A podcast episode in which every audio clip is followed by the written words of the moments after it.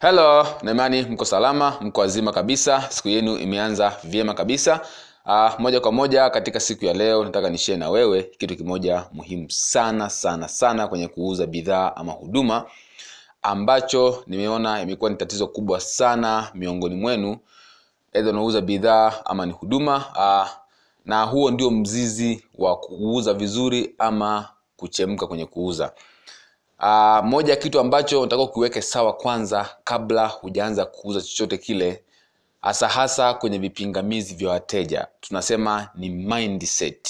Mindset ndio kila kitu kwenye kuuza bidhaa ama huduma na jinsi utakavyopokea majibu ya wateja na jinsi utakavyovikabili hivyo vipingamizi vya wateja. Kwa hiyo kila kitu ni mindset. Haijalishi unajua mbinu gani za kuvikabili vipingamizi vya wateja ila kama mindset bado haipo sawa?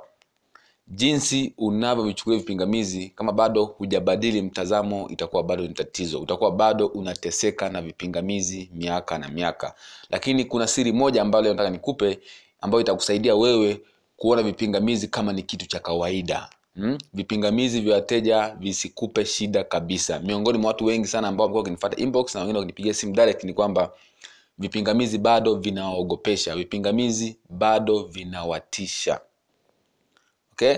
Kwa mfano kwa mfano watu wengi bado wanaogopa kuomba kuuza kwa mteja kwa sababu tu wanaogopa labda wataambiwa vipingamizi. You see labda mtu, mtu, mtu kashaonga kila kitu lakini kuomba kuuza anaogopa kwa sababu anaamini ana, ana kwamba akiomba kuuza labda ataambiwa nitarudi kesho labda ngoja niongee na mke wangu ama labda bei yako ni kubwa sana. Okay? Kwa hiyo bado wanaogopa kwa sababu tu vipingamizi bado hawajavimaster vizuri. Okay? Lakini ukisha vipingamizi hakuna kitu ambacho utashindwa kuuza kirahisi. Na vipingamizi visikuumize kichwa kwa sababu kuna kitu kimoja ambacho utakuwa unakifanya ambacho wengi wanakifanya lakini hutakiwi kuhisi vipingamizi kwa namna hiyo. Ambacho kitu hicho nitakwambia leo ni kitu gani na usifanye hivyo kwa sababu kitakutesa kita, kita sana. Iko hivi kama unauza bidhaa ama huduma theni mteja akakupa kipingamizi kitu cha kujua kwamba kipingamizi cha wateja au vipingamizi vyovyote vya wateja sio pasono narudia tena ambacho ndio kitu muhimu. Vipingamizi vya wateja wako pindi wanaponunua bidhaa ama huduma yako sio personal. Mteja akikwambia labda uh, labda kama bidhaa yako ni kubwa sana ama, ama, ama labda hapana ah, nitanunua labda siku nyingine. Watu wengi wakishaambiwa hivyo wanajisikia vibaya hiyo ndio kitu ambacho ina, kitu ambacho inawatesa watu wengi sana kwenye kuuza bidhaa ama huduma. Kwa sababu gani? Kwa sababu wanachukulia personal. Unapouza bidhaa ama huduma bidhaa yako na wewe vinakuwa havina uhusiano. Mteja anapokupa kipingamizi hajakupa kipingamizi wewe kama mtu. Kipingamizi ame, ame, ameipa approach yako ulioitumia kwa hiyo usichukulie personal kipingamizi cha wateja kwa sababu kitakutesa unataka kuishi labda labda mimi nakataliwa labda kanikataa mimi kwa sababu labda niko hivi you see. Yani unakuwa unakuwa unakuwa offended no. Usijisikie vibaya kisa mteja amekupa kipingamizi. Mteja amekataa ofa yako ila hajakukataa wewe unayeuza bidhaa mahuduma okay? Kwa hiyo ofa ndiyo inayokataliwa na mteja wako. Kipingamizi kinatokana na ofa. Lakini watu wengi wanachukulia personal. Then wana, wanaogopa hata kwamba kuuza kwa sababu tu wanahisi kwamba nitakataliwa tena. Labda mimi kwa sababu niko hivi nitakataliwa tena. Kwa hiyo never never never never. Usichukulie vipingamizi personal kwa sababu utateseka sana kwenye kuuza. Kwenye kuuza ili upate yes moja lazima ukutane na no 49 ndio tunavyoamini hivyo.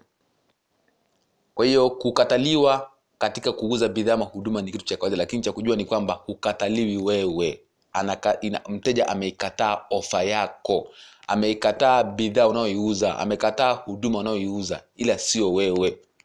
Ukishajua hivi basi hutoumizwa na vipingamizi vya wateja tena kwa sababu utaamini kwamba jibu lolote lile litakuwa halikuhusu wewe. Linaihusu bidhaa ama huduma inayoiuza kwa hiyo kuomba kuuza kitakuwa ni kitu cha kawaida sana na hiyo itakujengea kujiamini pindi unapouza bidhaa ama huduma. Hakuna mteja ambao anakataa mtu hakuna mtu ambaye anamkataa mtu mwenzake. Ile wanakataa approach approach ulioitumia ndio wanaoikataa. Style ulioitumia kuuza bidhaa ndio wanaoikataa lakini sio kile anachokiuza ndio maana unashangaa anakataa kununua hapa anaweza kununua sehemu nyingine bidhaa kama ile kwa sababu tu aliyeuza ametumia approach tofauti ametumia mbinu tofauti.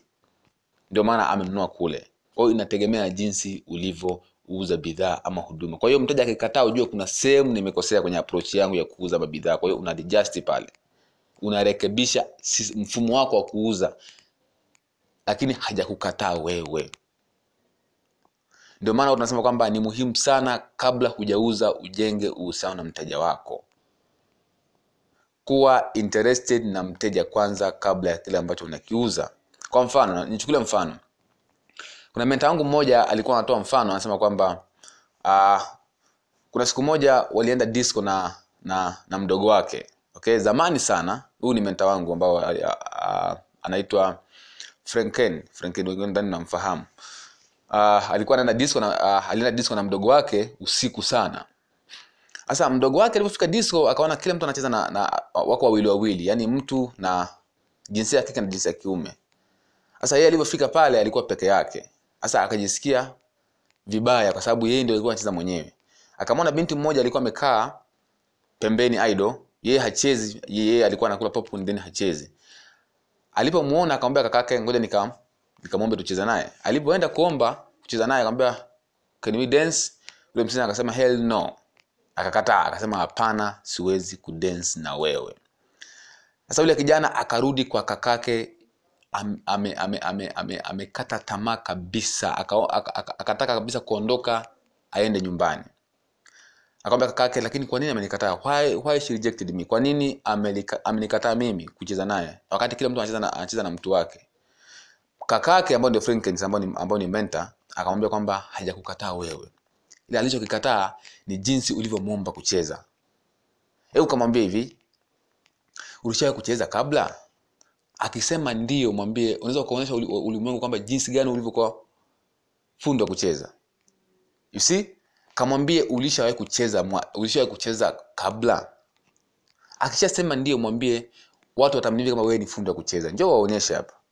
You see? Usimwombe usimwombe tena naomba tucheze na wewe. No. Kamuulize swali ulishawahi kucheza kabla?